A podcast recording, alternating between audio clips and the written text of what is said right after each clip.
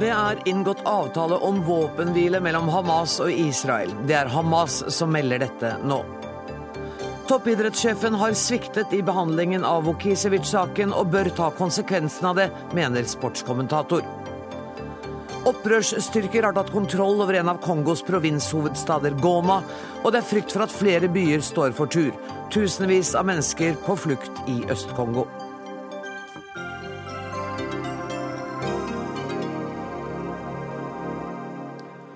Dette er eh, noen av sakene i eh, Dagsnytt 18, hvor vi aller først eh, skal høre at flere kilder nå melder at Israel og Hamas skal ha blitt enige om en våpenhvileavtale etter sju dager med krig. Og NRKs Midtøsten-korrespondent Sigurd Falkenberg Mikkelsen, hva mer vet du nå? Vi hører fra kilder i Hamas at det er inngått en våpenhvile. Det kommer også signaler fra egypterne om det samme, men ingenting er definitivt. Og Egypt sier også at eh, forhandlingene pågår fortsatt, men at de håper å bli ferdig i løpet av eh, kvelden. Eh, israelerne sier at det heller ikke er inngått noe avtale, og at alle muligheter holdes åpne. Men det er klart det virker jo som om de nærmer seg en avtale. Det er så mange tunge politiske aktører inne her nå. Men her i Gaza er det ikke mye som minner om en våpenhvile. Nei, for du hører fortsatt dronene? Vi har dronene flyende over oss. Det har vi hatt i, i, syv dager. Eh, og når de flyr på denne måten, så er det sannsynlig at de leter etter eh, mål, eh, og at det kommer bombing relativt snart. Det har også vært en dramatisk dag på Shifa-sykehuset eh, en dramatisk ettermiddag på Shifa-sykehuset i eh, Gaza, hvor det kom inn mens jeg var der, svært mange sårede. og Mange av de var eh, sivile. Det var også folk som omkom. Og Jeg har også sett folk flykte med esel og kjerre med det de har av eiendeler, fordi israelerne har Eh, droppet flyveblader eh, over en del av de nordlige eh, bostedene og områdene, og bedt folk komme seg inn i bykjernen. Blir det en bakkeinvasjon, så vil dette være områder som blir hardest rammet. Ja, og Det at Israel slipper flyveblader med oppfordring til folk om å komme seg unna visse områder, det er jo påfallende hvis man er så nær en våpenhvile. Dette er jo bare noen timer siden de flyvebladene kom. Ja, eh, Det er to måter å se det på. Enten som en forberedelse til en bakkeinvasjon, eller som en del av det politiske eh, spillet som nå pågår rundt forhandlingene, og at israelerne vil vise at de mener eh, alvor i innspurten i forhandlingene. Og så er det fra krigere her tidligere også slik at når det nærmer seg en våpenhvile, så intensiveres krigføringen. Eh, hvis det er riktig at det er oppnådd en, en våpenhvile, så skal den altså skje fra midnatt eh, lokaltid hos dere. Hva innebærer det? Hvor lang, hvor lang tid vil en sånn våpenhvile kunne vare? Ja, Det er ikke godt å si. Det kommer an på vilkårene og hva de har blitt enige om i eh, denne avtalen. Eh, men det er jo ikke noen fredsavtale. Og så lenge ikke det er noen politisk horisont, så tror jeg ikke den våpenhvilen nødvendigvis vil være, være, vare så veldig lenge. Da skal vi gå til Mats Gilbert, som er på Skifa-sykehuset nå. og vi, Som vi hørte min kollega mm, Sigurd Falkenberg Mikkelsen nettopp fortelle, så har det vært en eh, mildt sagt hektisk ettermiddag hos dere, Gilbert? Ja, jeg tilbrakte jo første delen av ettermiddagen med, med Sigurd Falkenberg Mikkelsen her på Skiffa. og Det ble en brutal ettermiddag. 13 drepte kom inn fra to forskjellige bombeangrep. Det ene i Sabra i nord og det andre i Seshaia i sør for Gaza by. Eh, barn som var revet helt i stykker. Eh, forferdelige scener. Eh, og titalls skadde. Eh, og Da vi hadde fått eh, arbeidet med de skadde eh, De palestinske helsearbeiderne gjør jo en heroisk innsats så var det jo besøk av en stor delegasjon med denne ministerdelegasjonen pluss generalsekretæren i Den arabiske liga. De var faktisk inne på intensiv mens jeg jobbet der, ledet av Ishmael Haniye. Mm. Og like etter det var jo et voldsomt journalistoppbud, så skjøt altså israelerne en rakett mot en bil med to palestinske journalister bare 300 meter fra sykehuset her hvor vi er. Eh, bilen ble satt i brann, og begge disse journalistene brant opp levende inne i bilen. Så det er også 15 stykker som er drept på den mest spesialske måte bare i ettermiddag. Og det totale tapstallet er nå oppe i 131, og antall skadde har passert 1000. Så det er, en, det er som Fakunna Mikkelsen sier, lite som minner om våpenhvile. Og de israelske rakettangrepene blir stadig mer brutale. Men har du snakket med palestinerne etter at eh, nyheten om at det er en våpenhvile, i hvert fall ifølge Hamas, eh, at den nyheten kom? Og i så tilfelle, hva sier de om at det nå går mot en roligere periode? Palestinerne er svært oppdatert fra så å si sekund til sekund. Alle går med ørepropper og hører på FM-radioer som sender hele tiden. og eh, det har jo vært som sagt ganske høytstående delegasjoner her. De hører at det er snakk om en våpenmine. Det palestinerne frykter, er jo det de vet fra tidligere, nemlig at når Der ja. mister vi rett og slett kontakt. Nei, nei, jeg er fortsatt. Ja vel. Jeg er fortsatt. Eh, det palestinerne frykter, det er jo at israelerne trapper voldsomt opp de siste timene før våpenhvilen tar til å gjelde. Det er en vanlig taktikk. Så det er mye frykt i Gaza nå. Tusen takk skal du ha for at du var med oss fra Skifa-sykehuset, Mats Gilbert. Sissel Wold, du er utenriksmedarbeider og er eh, akkurat nå i dag kommet til eh, Tel Aviv. Eh, så langt jeg vet, så har den israelske regjeringen ikke bekreftet våpenhvilen. I hvert fall hadde den ikke gjort det da jeg gikk i studio for ti minutter siden. Har den det nå? Nei, det er ingen her som har bekreftet dette. Eh, Bibi Netanyahus eh, talsmann Mark Regev sier at eh, når vi er der, så er vi der. Det er det han har sagt om eh, våpenhvilen, som israelske medier skriver om, med Hamas som kilde. Eh, Benjamin Netanyahu hadde en pressekonferanse før i dag med Ban Ki-moon, FNs generalsekretær, der han sa at eh, vi er interessert i en langvarig løsning og vi er interessert i å bidra til det. Men uh, alle israelere jeg har snakket med i dag, sier jo at hvis kampene slutter nå, så er det jo ingen løsning. Fordi at alle israelere vet at uh, Hamas kan nå dem med mye langt, mer langtrekkende raketter. Til og med Tel Aviv og Jerusalem er truet. Så det er ingen som er uh, beroliget her. Da du satt i dette studioet her i Oslo i går og vi snakket om de seks punktene som den israelske regjeringa har lagt fram som krav til Hamas, så var det jo lite som tydet på at de seks punktene i dag ville være innfridd. Betyr en våpenhvile at det er et bedre forhandlingsgrunnlag, tror du? Det som er veldig interessant, er jo at Hamas er så sterke. For det vi ser, er at uh, israelernes egentlige forhandlingsparter på den palestinske siden, nemlig regjeringen i Ramallah, de er jo helt ute på sidelinjen. Mm. Mens Hamas, med sine raketter og med sin uh, styrke nå, har uh, satt seg i en posisjon hvor Netanyahu er nødt til å ta dem på alvor for å komme videre. Og Det sier jo israelerne her, at, at, uh, at uh, vi må gjøre noe. Og Det er ikke veldig mange som er sultne på en bakkeinvasjon, men heller ikke veldig mange som tror at det vil bli en ordentlig våpenhvile. Fordi Hamas de krever jo at blokaden opphøres. De krever å få tilbake havet, havet sitt. og så rett og slett at, at Israel skal avslutte sjøblokaden. Og dette er jo for en mann som Benjamin Netanyahu, som hater Hamas. Eh, det er jo veldig store krav. da. Det er veldig vanskelig for han å innfri dette politisk, vil jeg tro. Da har vi hørt at uh, våpenhvilen skal iverksettes, if, igjen ifølge Hamas, da, uh, fra midnatt lokaltid. Mens vi hørte fra Gaza at da er det vanlig at uh, bombingen intensiveres i timene før en våpenhvile trer i kraft.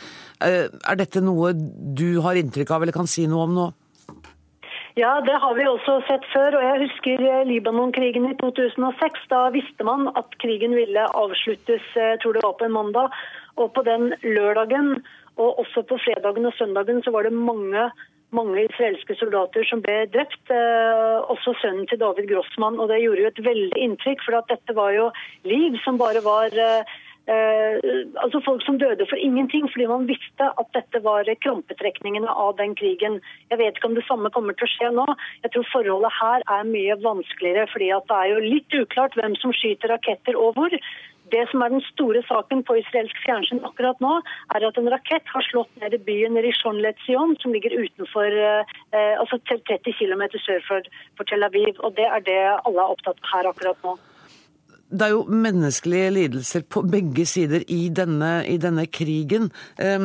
Vil, vil, israelerne motta en våpenhvilenyhet med en lettelse? En lettelse over at soldatene ikke skal inn i Gaza, for det vet man eh, er en blodig affære. Og det er også israelere her i Tel Aviv som uh, syns det er forferdelig det som foregår i Gaza, selv om de mener at de må beskytte seg, og at det er Hamas som er fienden her, og ikke folket i eh, Gaza. Så eh, man vil, jo i lengden unngå det. Men, men, nettopp det at hvis du skal komme til en midlertidig løsning nå, så er jo ikke problemet over. fordi at også i dag så, skjøte, eh, så, så ble det skutt raketter mot Jerusalem.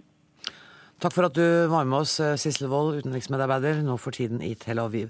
President i Norges Røde Kors, Sven Mollekleiv, dere samarbeider jo tett med søsterorganisasjonen Røde Halvmåne. Hvordan er, Nå hørte vi jo litt fra Mats Gilbert, som har stått aktivt i eh, kirurgiske operasjoner i hele dag. Men det humanitære arbeidet, hvordan er mulighetene for å arbeide i Gaza nå? Ja, Det er eh, veldig, veldig vanskelig. Eh, vi ser at eh, ambulansene holder på døgnet rundt. Eh, når de kommer ut eh, der hvor granatene, bombene, har eh, truffet, for å både hjelpe de sårede og frakte de døde ut, så blir de selv mål. Vi ser at frivillige fra palestinske Røde Halvmåne er blitt truffet og skadet, at ambulansene er blitt ødelagt. Og i tillegg så ser man jo at antallet og omfanget eh, øker eh, dramatisk. Eh, og ikke minst gjennom dagen i dag, som har kanskje vært den mest omfattende i forhold til beskytning som vi har sett til nå. Og vi ser at husene ødelegges. Det blir kaldt om natten. At vannet forsvinner, strømmen forsvinner. Eh, de har behov Fiskerne kommer ikke ut på havet for å hente mat. Eh, folk holder seg inne og, og har behov for helt grunnleggende eh, forhold. Frykten råder. Fortvilelsen råder. Dette er altså en befolkning som er fengsel i sin egen by. Tett befolket, tett på, og hvor granater kan treffe hvor som helst. Vi skal altså vite at 70% av de som til nå både er døde og er skadet, eh, er eh, sivile. Barn, kvinner, eldre, funksjonshemmede. Også sentrene våre for funksjonshemmede eh, er blitt ødelagt. Dette er kort og godt veldig, veldig krevende og dramatisk. Hvis du ser bort fra de fysiske skadene som er forårsaket av krigen, hvor, hvor akutt vil du beskrive den resten av den humanitære situasjonen? Altså dette med mat, vann, strøm?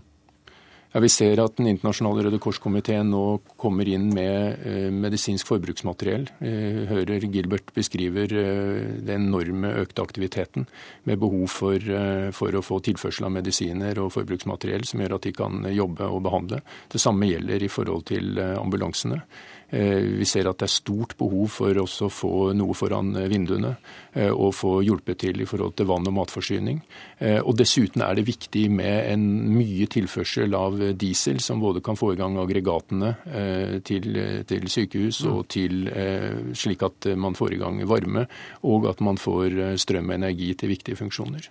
Så vi kan konkludere med at selv om det nå blir en våpenhvile eh, fra midnatt lokal tid, så vil det behovet for humanitær hjelp være stort i lang tid framover? Ja, det er definitivt. Og det er eh, sterkt økende gjennom det de har vært gjennom i dag. Vi får håpe på en våpenhvile. Det gjenstår å se hvor lenge den vil vare. Men behovet for støtte og hjelp eh, inne på Gaza er enormt. På samme måte som det er viktig å hjelpe de som er rammet på andre siden. Tusen takk for at du kom i studio, president i Norges Røde Kors, Sven Mollekleiv. Hør Dagsnytt 18 når du vil, på nettradio eller som podkast. nrk.no – dagsnytt 18.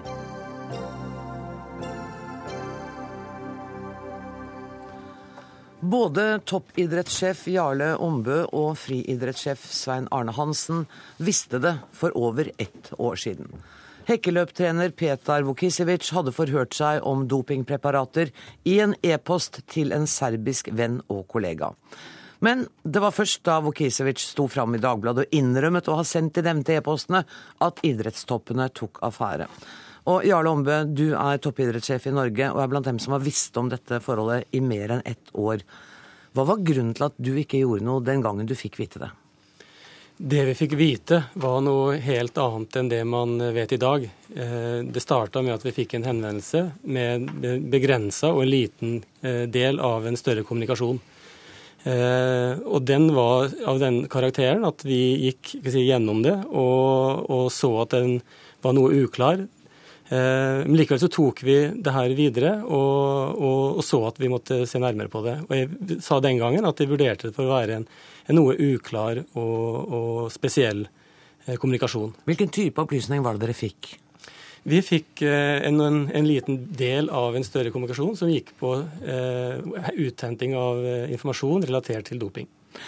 Eh, du og Vukisevic hadde vel den gangen en samtale om saken, hadde dere ikke det? Jo, vi hadde en samtale etter en, en periode hvor vi gikk gjennom det som hadde kommet frem, og, og jeg ga uttrykk for hva jeg mente om det. Og du sier til Dagbladet i dag at du etter dette møtet anså saken som et forhold mellom Norges friidrettsforbund og Antidoping Norge da de skulle behandle saken videre. Var det du som da tok saken videre til Friidrettsforbundet? Nei, Vi ble kjent med at, eh, at saken, eh, eller, saken var også kjent i Friidrettsforbundet, og at den hadde blitt sendt til Antidoping Norge. Eh, det i tillegg til at vi også hørte at det var Vikosevic som mente at det var manipulert. Eh, vi visste også at det var en, en, eh, en, ganske gammel sak. Så det var flere forhold her som var en kontekst bak de vurderingene som vi gjorde på det tidspunktet, som så helt annerledes ut enn de mailene og det som har kommet frem i dag. Esten Aansæter, du er kommentator i Dagbladet. Du skriver i eh, avisen din i dag at Ambøs håndtering av denne saken er uforståelig. Hva legger du i det? Ja, jeg mener at en eh, toppidrettssjef som får inn en så sentral trener, som har eh, bedt om opplysninger om veksthormon i 2002, da er det mer enn en eh, tilfeldig forbipasserende som man diskuterer doping med. Og Det viser jo også Jarle til, at han tok en såkalt alvorsprat, vel, med, med Petar. Og da er det faktisk alvor i det. Og det jeg liker kanskje aller minst, er den herre Ja, men det var vel kona mi som, eh, ekskona mi som har gjort et eller annet. Mm. Da skal også noen, eh, noen eh, holdt på å si, Da skal man også være veldig veldig oppmerksom på oppfølgingen. Mm. For den er så billig, den varianten som viser seg da å være helt fullstendig feil. Vi har jo knust den i, i Dagbladet i dag med en ny avsløring. At jeg syns dette er for, for lett. Frihetspresident Svein Arne Hansen, også du visste om denne saken. Hva var det som gjorde at du ikke gikk videre med den? Ja, nå er du ganske hard, for vi visste om saken på ett ting. At Peter informerte vår generalsekretær at han var eh, i en slags konflikt med sin kone, og hun hadde informert Dagbladet.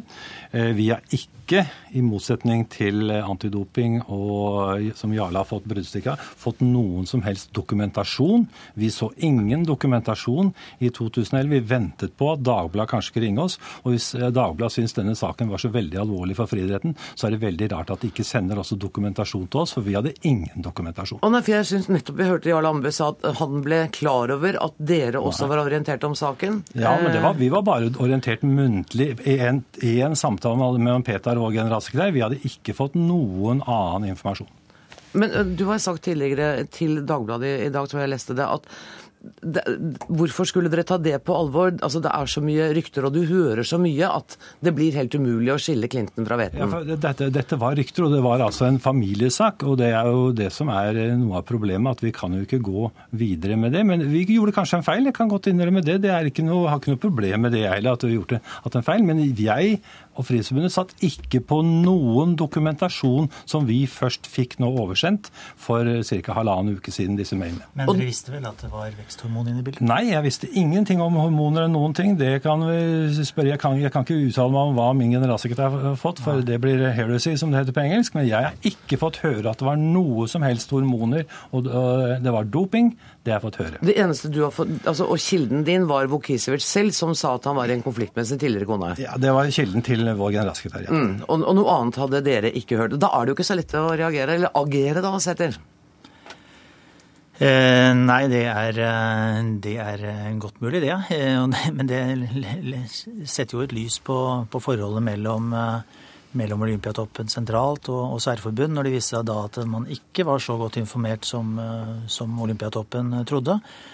Eh, og det, for, for, meg er det jo dette her bare et steg videre i en, i en nå halvårig lang linje på hvordan eh, disse sakene er blitt, er blitt håndtert.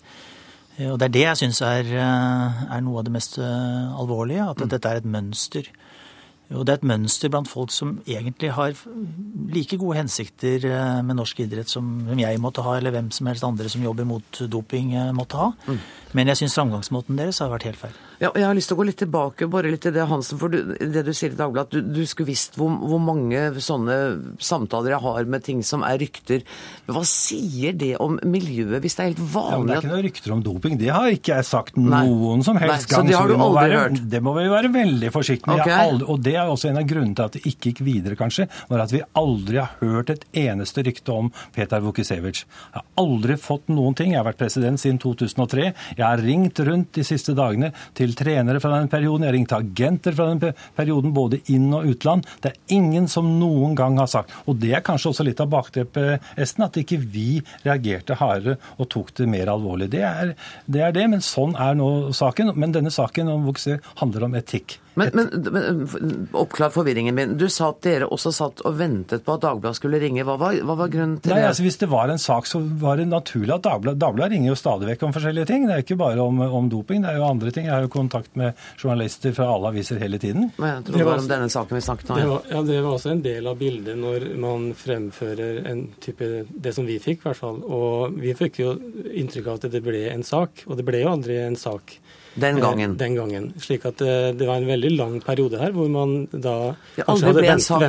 Hvem skulle, Du mener i Dagbladet? Dagbladet lagde ingen sak på den, eh, den informasjonen. Men er det en grunn til at dere ikke skal røre nei, i saken, at Dagbladet ikke skriver om det? Det var bare en del av det totale bakteppet som vi hadde, eh, som gjorde at vi agerte sånn som vi gjorde. Jeg trodde det, jeg skulle bli opplyst, jeg blir bare mer forvirra her nå. Det var det, ja, det som var annerledes enn det som eh, vi ser i dag. Det gjør vel jeg også, fordi, eh, fordi i etterkant her så får vi da flere doping impliserte saker. Og vi ser at vi ender opp med en OL-tropp som har eh, innstilling på Petar Vukusevic til, som, som, trener. Og, og, da vet vi jo at han har spurt om veksthormon, og har, har innrømmet det. Det vet i hvert fall Olympiatoppen. Eh, og så har vi da gående denne famøse Tysse-saken. Som vi ikke skal ta i dag. Som vi ikke skal ta i dag, men som er en del av det hele bildet. Eh, og så går vi gjennom, eh, gjennom dette OL-et, og, og, så går vi rett over til en, en debatt på Vestlandet på hva, hvordan skal vi bruke eller ikke bruke de trenerne som er tatt for doping tidligere. Mm. Og så ser vi at dette dopingproblemet, det er der lokalt.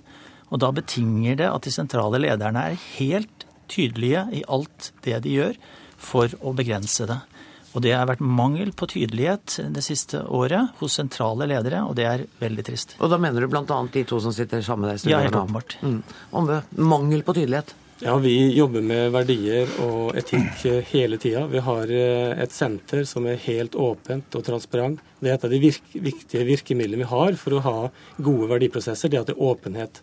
Og Det er noe vi jobber med hele tida. Men til det med OL-deltakelse, når også Esten Rosete trekker frem Kjærgaard som en, noe som vi kanskje burde ha sett på nei, forhånd. Ikke det gjør ikke. Det var sånn jeg leste i hvert fall. Nei, nei, nei det, det, går ikke an å lese det slik. Og Kjærgaard skal vi heller ikke ja. ta opp her. Jeg bare får behov for å understreke eh, at Petar Vukisevic er jo ikke det er ikke bevist noen ting. Han sier at han er uskyldig, og, det, og, det, og han er invitert til, hit til studio i dag, men kunne ikke komme. Bare sånn at vi har lagt det klart, at vi ikke snakker om en mann som er død. Kan jeg få legge til at ja. det, er, Vi har jo nulltoleranse for doping i Frihetsforbundet. Og det har vi hatt i mange år, og det vet Esten like godt som alle. Jeg har stått opp og fortalt Det synes jo ikke i praksis. Det er jo det som er hele Nei, det, problemet her. Altså, dere, har, dere, er ikke tydelige i forhold til klubbene deres. Det er, er, til, det, kom, det er 14 dager siden sportssjefen inviterte gamle eks-dopere inn tilbake i varmen fordi vi måtte tilgi. Og jeg mener jeg er veldig for tilgivelse i mitt private liv, men jeg er veldig lite for tilgivelse i disse sakene her sånn. Skal vi holde idretten vår ren, så er vi nødt til å ha strenge grenser for de som har vært innblandet i dop. Og der har friidrettsledelsen sviktet gjennomgående dette året her sånn, og det får de svi for nå. Det er jeg ikke enig i, det er helt klart, for vi har hatt et veldig klart syn. Og det er, som Esten sier, er jo ikke sant i det hele tatt. Men det vi nå lager, da, er å lage en avtale som alle som er involvert i vår idrett, friidrett, skal signere. Og Det gjelder også trenere, og det gjelder også at de aldri må skrive under på, hvis de skal være trenere i norsk idrett på nasjonalt eller klubbplan, at de aldri har brukt doping. Nei, men, men hvor mye teller et papirlapp? Altså, Vi kommer fra sykkelskandale på sykkelskandale, hvor hver eneste trener har undertegnet det papiret. Hvor, hvor, hvor, naive går det an å være? Når ledelsen ikke klarer å stå opp og si at vi vil ikke ha det på denne måten. Vi ønsker ikke at noen klubber skal, skal hente tilbake gamle dopingbefengte trenere. Vi står opp og sier at vi vil ha en ren idrett. Ja. Vi sier at vi skal ha en helt fair og ren idrett, ja. og det jobber vi med hele tida. Og dere har begge to i og for seg innrømmet at det kanskje var det feil å ikke ta mer på alvor de bekymringsmeldingene som dere fikk da i, i mai i fjor. Etterpåklokskapens lys så ser jeg også at vi kunne gjort ting annerledes. og jeg kunne også informert og rapportert eh, mer enn det jeg gjorde. Og der kommer det til å skjerpe praksisen. Men vi har også med oss på telefon Anstein Gjengedal, som er leder av påtalenemnda i dopingsaker i idretten. Um, god kveld, Anstein Gjengedal. Det var dere i påtalenemnda som henla, eller la bort denne saken pga. at den var foreldet da den ble kjent, for det var over åtte år siden disse mailene ble sendt. Hvor klok var den avgjørelsen, sånn som du ser det nå? Nei, altså Antidoping Norge og påtalenemnda vi behandler saker hvor vi kan reise sak. og Dersom ikke vi reiser sak, så er saken unntatt uh, offentlighet. og uh, På det grunnlaget i november i fjor så undersøkte vi uh, saken. og Vi så om vi hadde noen utøvere som hadde testet positivt i angjeldende periode også etterpå, men det hadde vi ikke. Og Derfor så ble den saken henlagt som foreldet. Vi informerte WADA om eh, forholdet, bl.a. fordi at det var en, eh, en, utenlandsk trener som var involvert. Mm. De kunne ha opplysning om vedkommende. Eh, jeg ser klart behovet for at Særforbund og Idrettsforbundet har behov for informasjon som vi sitter på, altså uten at vi reiser en påtalesak. Og Det tror jeg at vi er nødt til å ta en diskusjon på i, i, med vårt styre i Antidoping Norge. Etter min omfatning så bør vi endre NIFs lov, slik at eh, dersom et særforbund eller Idrettsforbundet eh, mener vi har en saklig grunn for å bli informert om saken, så bør Antidoping Norge ha en adgang til å informere om det, selv om det ikke er reist et, eh, et påtalevedtak. For jeg ser jo klart at det er ingen som er tjent med, og det er jo ikke noen av oss, at vi har uh, trenere som uh, undersøker vi si, måter å dope seg på. Mm. Og, og, så jeg ser klart behov for det. og nå har jo vi også fått et brev fra Idrettsforbundet 15.11. 15. november, hvor vi er bedt om å se på sakene på nytt. Og det er vi i full gang med. Jeg skal bare få en reaksjon fra studio her på det forslaget ditt ja. om at dere kan informeres ja, jeg, tror, jeg tror det er veldig fornuftig. Altså, vi ser jo nå I den internasjonale dopingkampen så er det jo mer og mer politi altså utenfor idretten, storsamfunnet, som, som bryr seg og som driver sakene framover. Eh, fordi storsamfunnet er ikke tjent med at de som driver med lek, også skal få lov til å, få lov til å dope seg. Gjengedal må få lov å komme inn fort. Nei, det er jeg helt enig i. Jeg tror nok at Antidoping Norge også må, og det, vi, det kan ikke jeg bestemme, men altså se på at man rett og, får, rett og slett får etterforskningskompetanse. Nå får vi jo se om det blir kriminalisert, da, så kan jo politiet komme inn. men mm. hvis ikke det skjer, så syns jeg nok at, man, eh, at Antidoping Norge i stedet for bare å se på prøvene, må kanskje mer gå aktivt ut og så avhøre for å kalle det da, personer som vi får opplysninger om. Mm. Her, her, kommer det flere forslag. Jeg må høre hva også, men hva tenker du om at antidoping skal ha etterforskningskompetanse? Jo, det høres veldig fornuftig ut. Og det at man også utreder nå om man kan forfølge det på, på politimessig, det er også veldig bra. Vi er for strenge straffer, strengere straffer. Eh, og også at man eh, følger opp med rettssikkerheten, slik at man får en, en, en god helhet. Mm. Og Hansen, dette kommer jo ikke til å skje denne uka, sånn at mm, da må, du jo, må dere ivareta det sjøl inntil eh, dopingnemnda har etterforskningskompetanse og det eventuelt er kriminelt. Ja, men eh, antidoping kan også undersøke saker, og de har sagt at de skal se gjennom denne saken med Petar Vukusevic en gang til. Vi har mm. sendt over alt det materialet vi har. De har fått materiale fra samme kilden som Dagbladet. Men hør med Gjengedal, har dere begynt å se på den igjen, Gjengedal? Altså, ja, klart. Vi, vi har jo folk som kan uh, begynne å kikke og få foreta undersøkelse. Altså foreta undersøkelse, det er vi i full gang med. Eller ikke kommet i gang med, men i hvert fall det eh, kommer vi til å gjøre. Sånn at den saken, selv om eh, den, disse e-postene var gamle, over åtte år gamle, så kan dere allikevel se på saken på nytt nå? Ja, det kan jo være at det er kommet eh, frem nye opplysninger. slik at Det som har vært offentliggjort nå, det er klart at det er vi nødt til å undersøke. Dermed er jeg nødt til å sette strek og si tusen takk til Jarle Ombø, Svein Erne Hansen, Esten Osæter og også Anstein Gjengedal.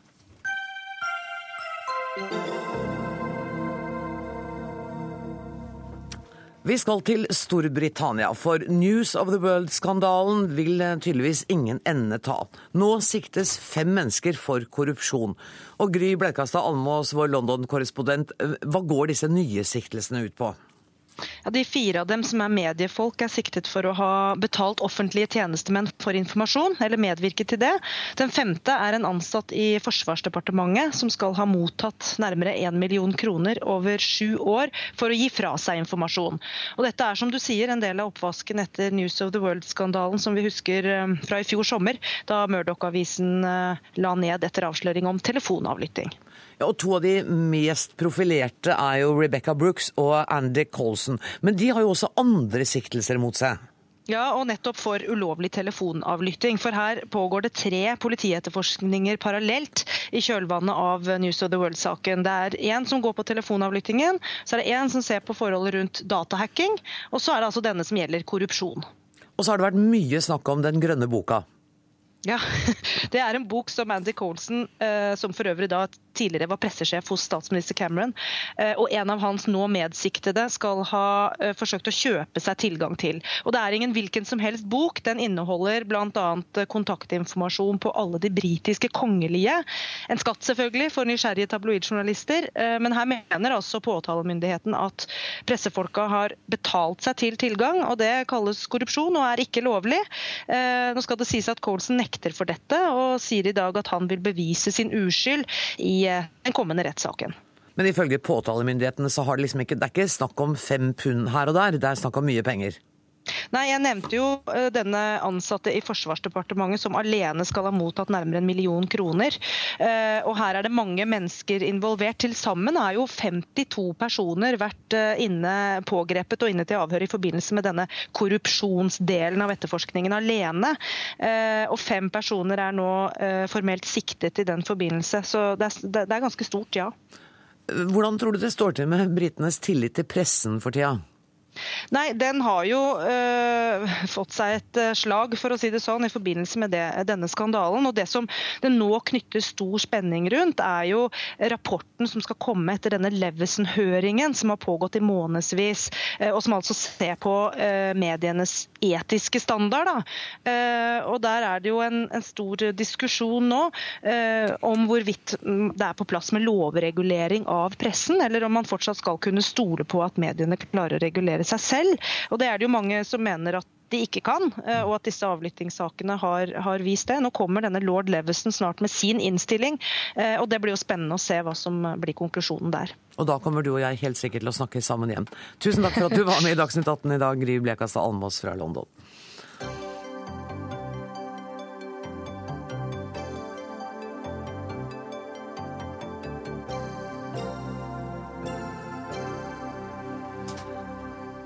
Opprørsbevegelsen i Kongo har tatt kontroll over provinshovedstaden Goma øst i landet. Tusenvis av mennesker er på flukt, og opprørerne truer også med å ta flere byer. Randi Solhjell, du er forsker ved Norsk utenrikspolitisk institutt. Hvordan kan dette skje, når vi vet om en by hvor FN har store styrker?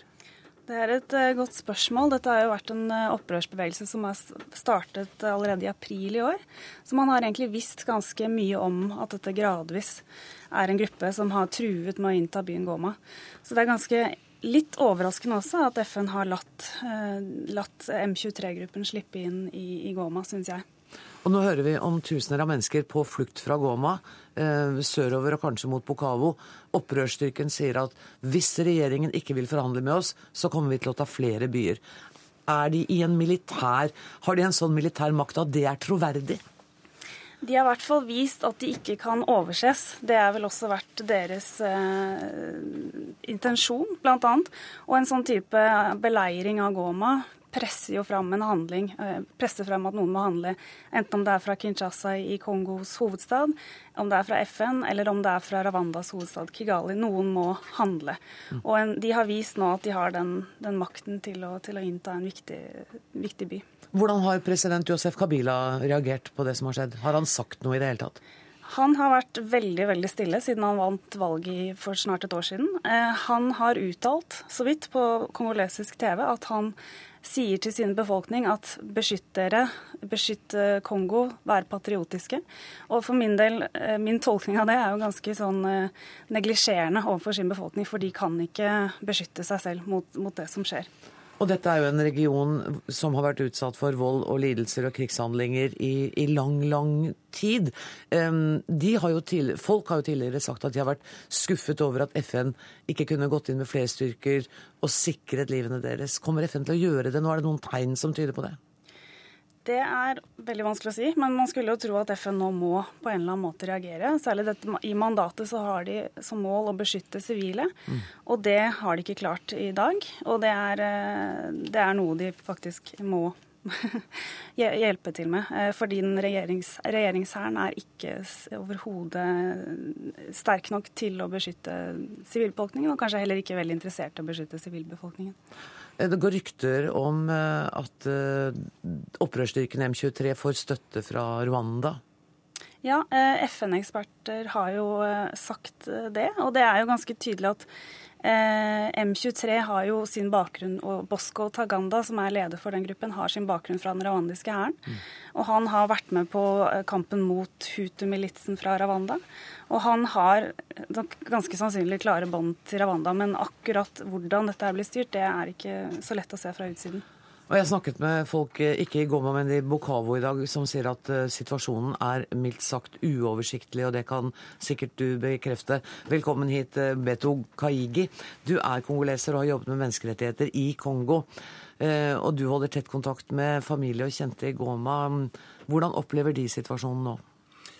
Takk for invitasjonen. Eh, situasjonen er ganske alvorlig. Eh, den er alvorligere enn den som vi får gjennom media, egentlig. Hvordan da?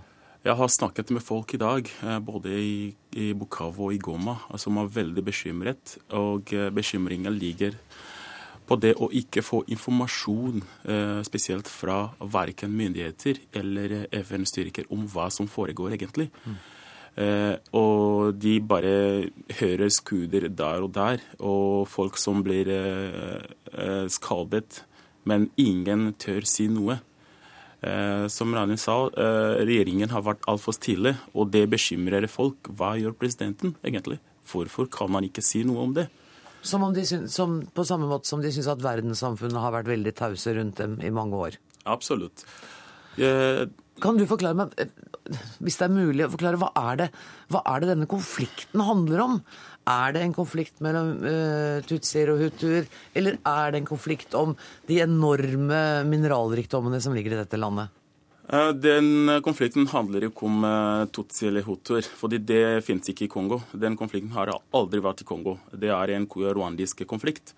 Men dette er både noe med mineraler å gjøre, og det er ikke bare Rwanda som står bak, men det er andre internasjonale selskaper som vil gjerne få lett tilgang til mineraler. Og det er gjennom å skape eh, rutt og skape forvirring og skape opprørgrupper der og der. Mm. Eh, men det handler mest om mineralressurser. Eh, og så har vi eh, dessverre en inkompetent president som ikke har oversikt over eh, det som skjer i regionen og som eh, ikke kan eh, danne en eh, hær som kan beskytte landet. Mm. Hæren er full av både innvandrere, offiserer. Og det blir på en måte vanskelig for en slik hær å bekjempe og beskytte landet. Mm. Og det er det som vi opplever nå. Og Samtidig så er det altså de sivile som lider. Er det noen nå som har en oversikt over hvor mange mennesker som er på flukt fra, fra Goma? akkurat nå er det liksom det er ingen som har akkurat det tallet.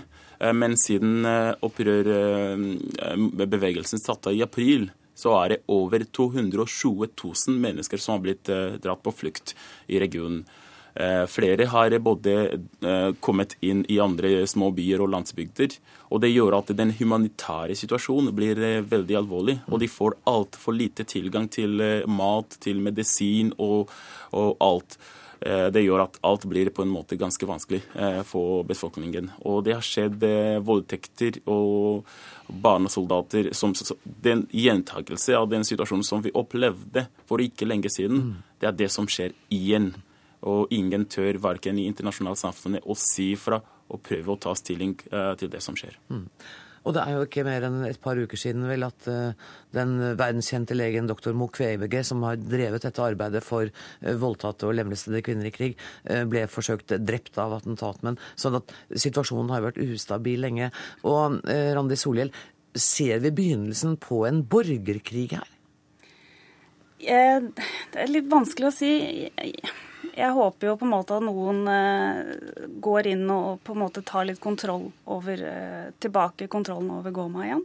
Uh, forhåpentligvis blir det altså Det verste som kan skje nå, kan kanskje være en krig mellom Rwanda og Kongo, men det er Forhåpentligvis går det ikke til det skrittet, for jeg tror ingen av de partene er interessert i å, å gå til krig. og det, det, er ofte ikke så veldig lønnsomt å gå til så store, så store kriger. Men kan det bli en internkrig i, i Kongo mellom regjeringsstyrker og M23? Det kan det nok. Det kan også være utfall. Det kan også være andre grupperinger som FDLR, som er en, en militsgruppe med sitt opphav i, fra Rwanda, eh, og som i dag består av kongolesere, stort sett. De har vært i krig mellom, eller konflikt mellom M23 eh, i andre områder i Nord-Kivu eh, og Sør-Kivu. Og det, har også vært en, det er også en patriotisk hær som tidligere patriotisk her, som, som kalles Mai Mai. Og det er også ulike grupperinger som kan ta eh, til orde, holdt jeg på å si. Ja, Beto Koigu, dette, dette, virker jo uoversiktlig og uavklart for oss, fordi det er så mange grupper og så mange forskjellige interesser. Og midt i dette står sivilbefolkningen og blir ofrene. Er det mulig for noen av dem å ha en oversikt over hvem som er hvem, og hvem som er venn og fiende? Ja, det, det, kan man eh, finne. Og jeg vil gjerne komme med en liten rettelse i forhold til FDL-er. Eh, det er i stort sett Rwanda, eh, rwandiske opprør, okay. som flyktet til Kongo etter folkemordet mm. i 1994. Men det finnes flere andre nasjonalistbevegelser i Kongo, bl.a. Mai Mai, flere grupper, som kan bli fort dratt inn i krigen. Og det er det jeg ikke kan se, det er borgerkrig. fordi da må regjeringen på en måte bekjempe. Og regjeringen har ingen hær som kan eh, bekjempe. De bare trekker seg tilbake, fordi de har ikke makt. De har ikke våpen. De har ikke mat. De får ikke lønn. Og det er på en måte ganske vakuum, så for å kalle det. Og det er derfor ser vi det vi ser. Mm. Det høres eh, ganske dystert ut den nærmeste fremtid, i hvert fall for Kongo. Men dere skal ha tusen takk for at dere kom, Beto Kaigi og Randi Solhjell.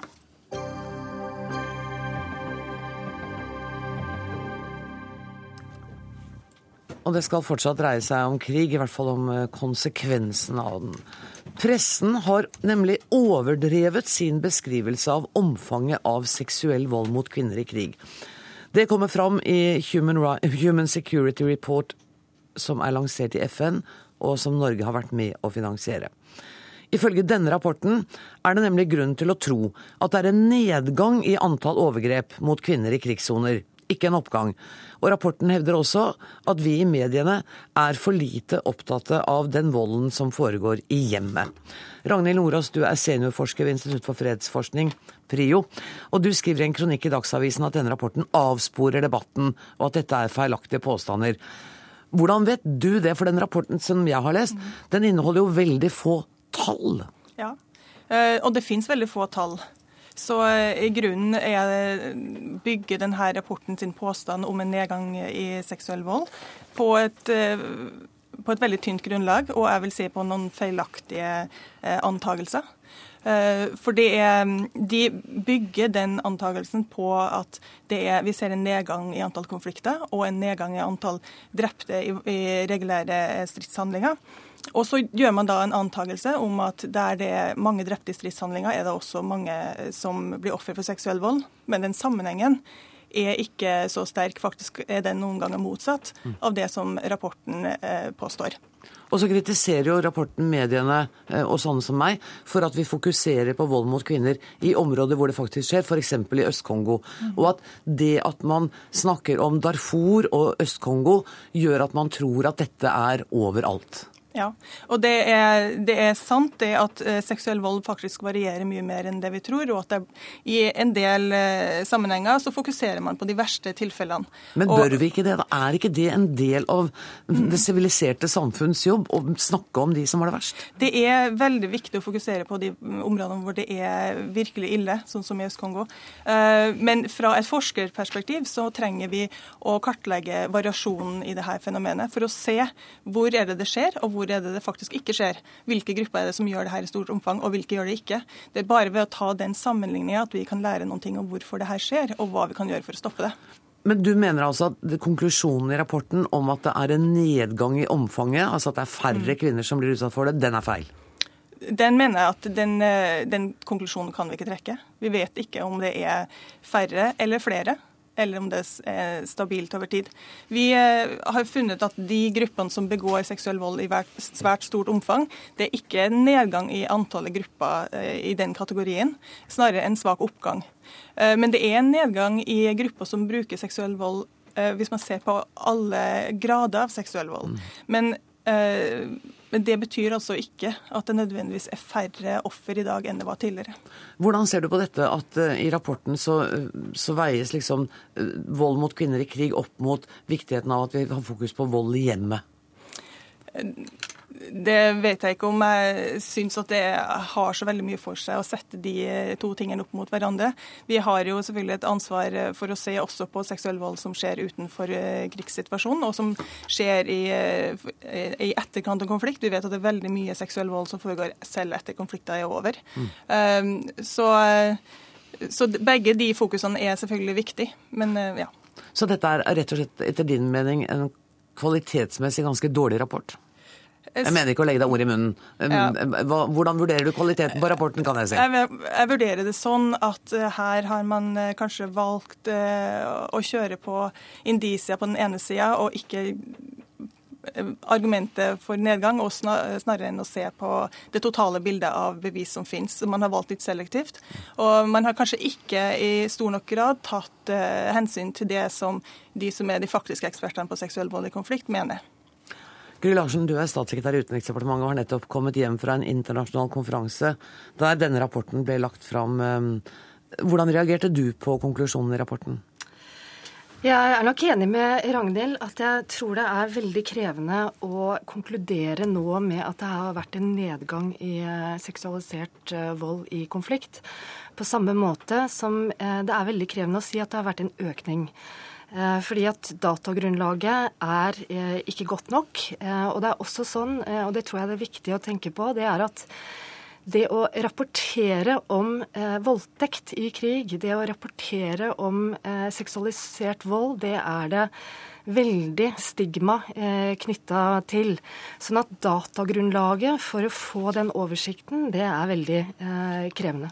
Men er det ikke da bekymringsfullt når du sier at det er vanskelig både å dokumentere en eventuell oppgang og en eventuell nedgang, at rapporten gjør nettopp det? Den konkluderer. Ja, men det er, sant, det er, ulike rapporter. Og jeg må bare si at, at, jeg er veldig for at vi får både økt eh, kunnskap, og at vi får flere rapporter som setter fokus på seksualisert eh, vold. Men denne men rapporten advare, vil at vi ikke skal gjøre det så mye mer? Ja, jeg vil bare advare mot å liksom dra veldig eh, sterke eh, konklusjoner.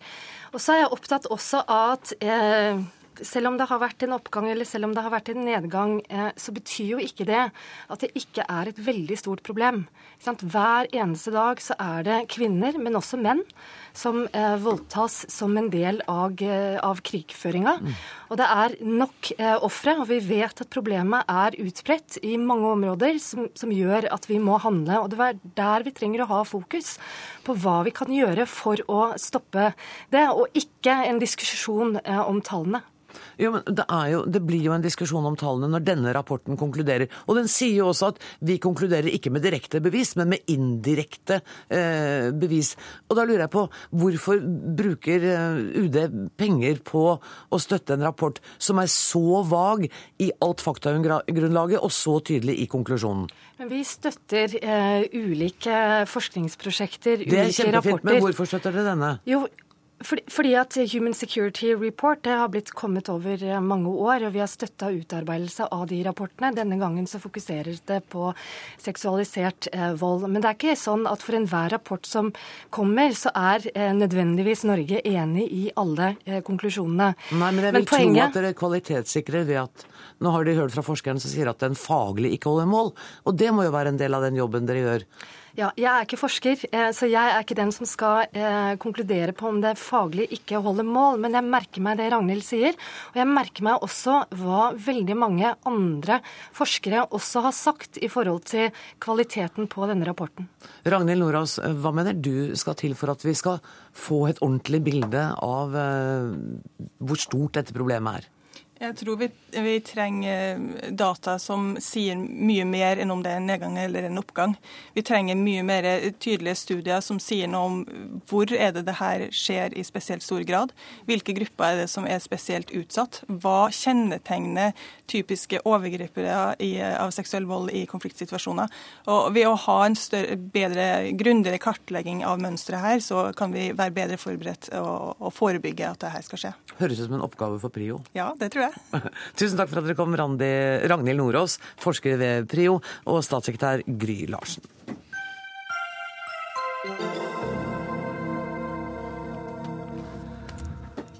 Vi husker alle TV-serier som West Wing, Sopranos, Broen, ja, og ikke minst Koselig med peis. Alle med Emmy-nominasjoner. Og riktignok ble det ikke noen pris på Stein Winge.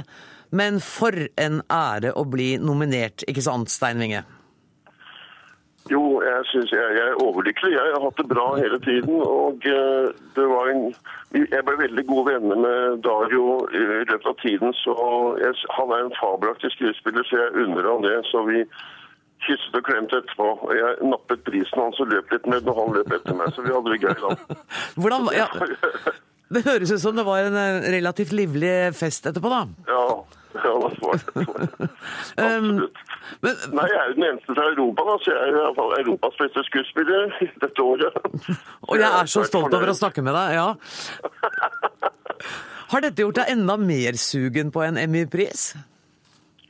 Nei, vet du, det, dette med Emmy, det er så, så, surrealistisk for meg at jeg er nominert i det hele tatt. Nå har jeg fått medalje og diplom, og det var det jeg ville ha. Jeg har ikke plass til noe sånn der pris på skatoll eller sånn hjemme, så jeg er veldig fornøyd.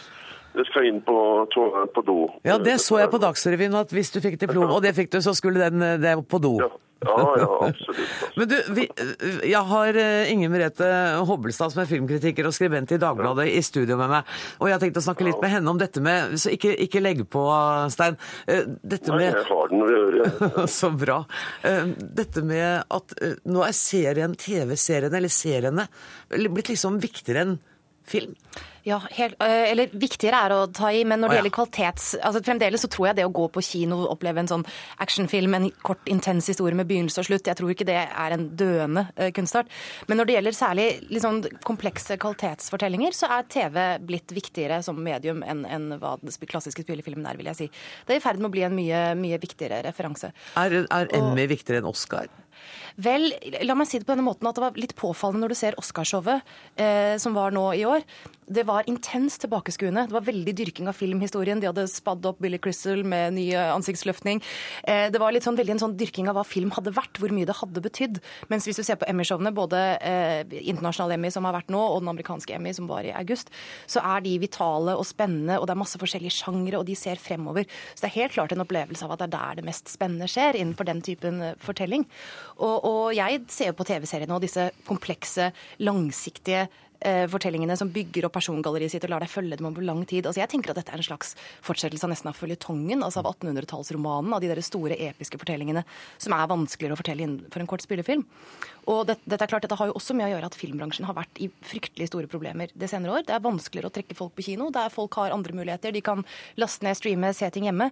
Og dermed så er det tør veldig få mennesker f.eks. i Hollywood å ta sjanser. Mm. Og Derfor får du masse superheltfilmer, du får veldig sånn minste felles multiplum, og de spennende fortellerne de går til TV. Mm, de går til TV. Men, men, men så er det sånn at når det gjelder serier altså nå snakker Vi har på øret og på telefonen nå Europas beste skuespiller i år. Men, men Norge er jo ikke blant de som har hevdet seg i toppsjiktet av de nordiske land når det gjelder serier på TV. De er ikke det. Og nå skal jeg ikke ta noe vekk fra Stein Winge her, for det er fantastisk at han har fått eh, den nominasjonen.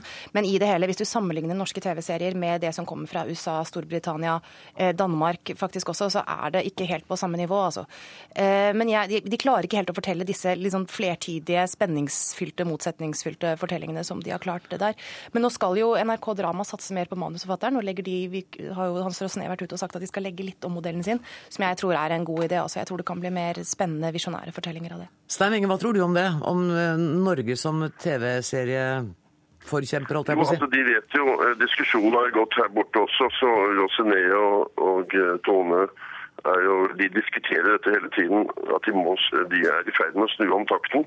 Vet du, Vi er et lite land, men ikke å sammenligne med Amerika, som har milliarder av dollar. Det, er sånn, dette vi er et, og det merker man med når man er nominert til sånn verdens-Emmy, så er, land har jo, de fleste har jo mye mer å gå på, og danskene beundrer vi. eh, og... og eh, de har jo jævla mye kommet lenger. Og det er de veldig klar over, altså også nordmennene her. Så jeg tror de, de eh, virker som de har, har lyst til å gjøre noe, altså snu flisa litt. grann, Og, og dette med å få gode manus er det som det henger på veldig mye. da. Mm. Ja, for det, vi har jo, altså, Du har jo bevist at vi har jo skuespillerne som kan vinne priser, så det er manuset det står om. Jeg er ikke skuespillerinstruktør, og det gjør det enda mer irrasjonelt for meg. Ja, ikke sant? Men, men du kan jo komme hjem og instruere en TV-serie, da. Ja, jeg Ja, når jeg får tilbud om, om TV-serie her og spille igjen, så er det jo Vi får se.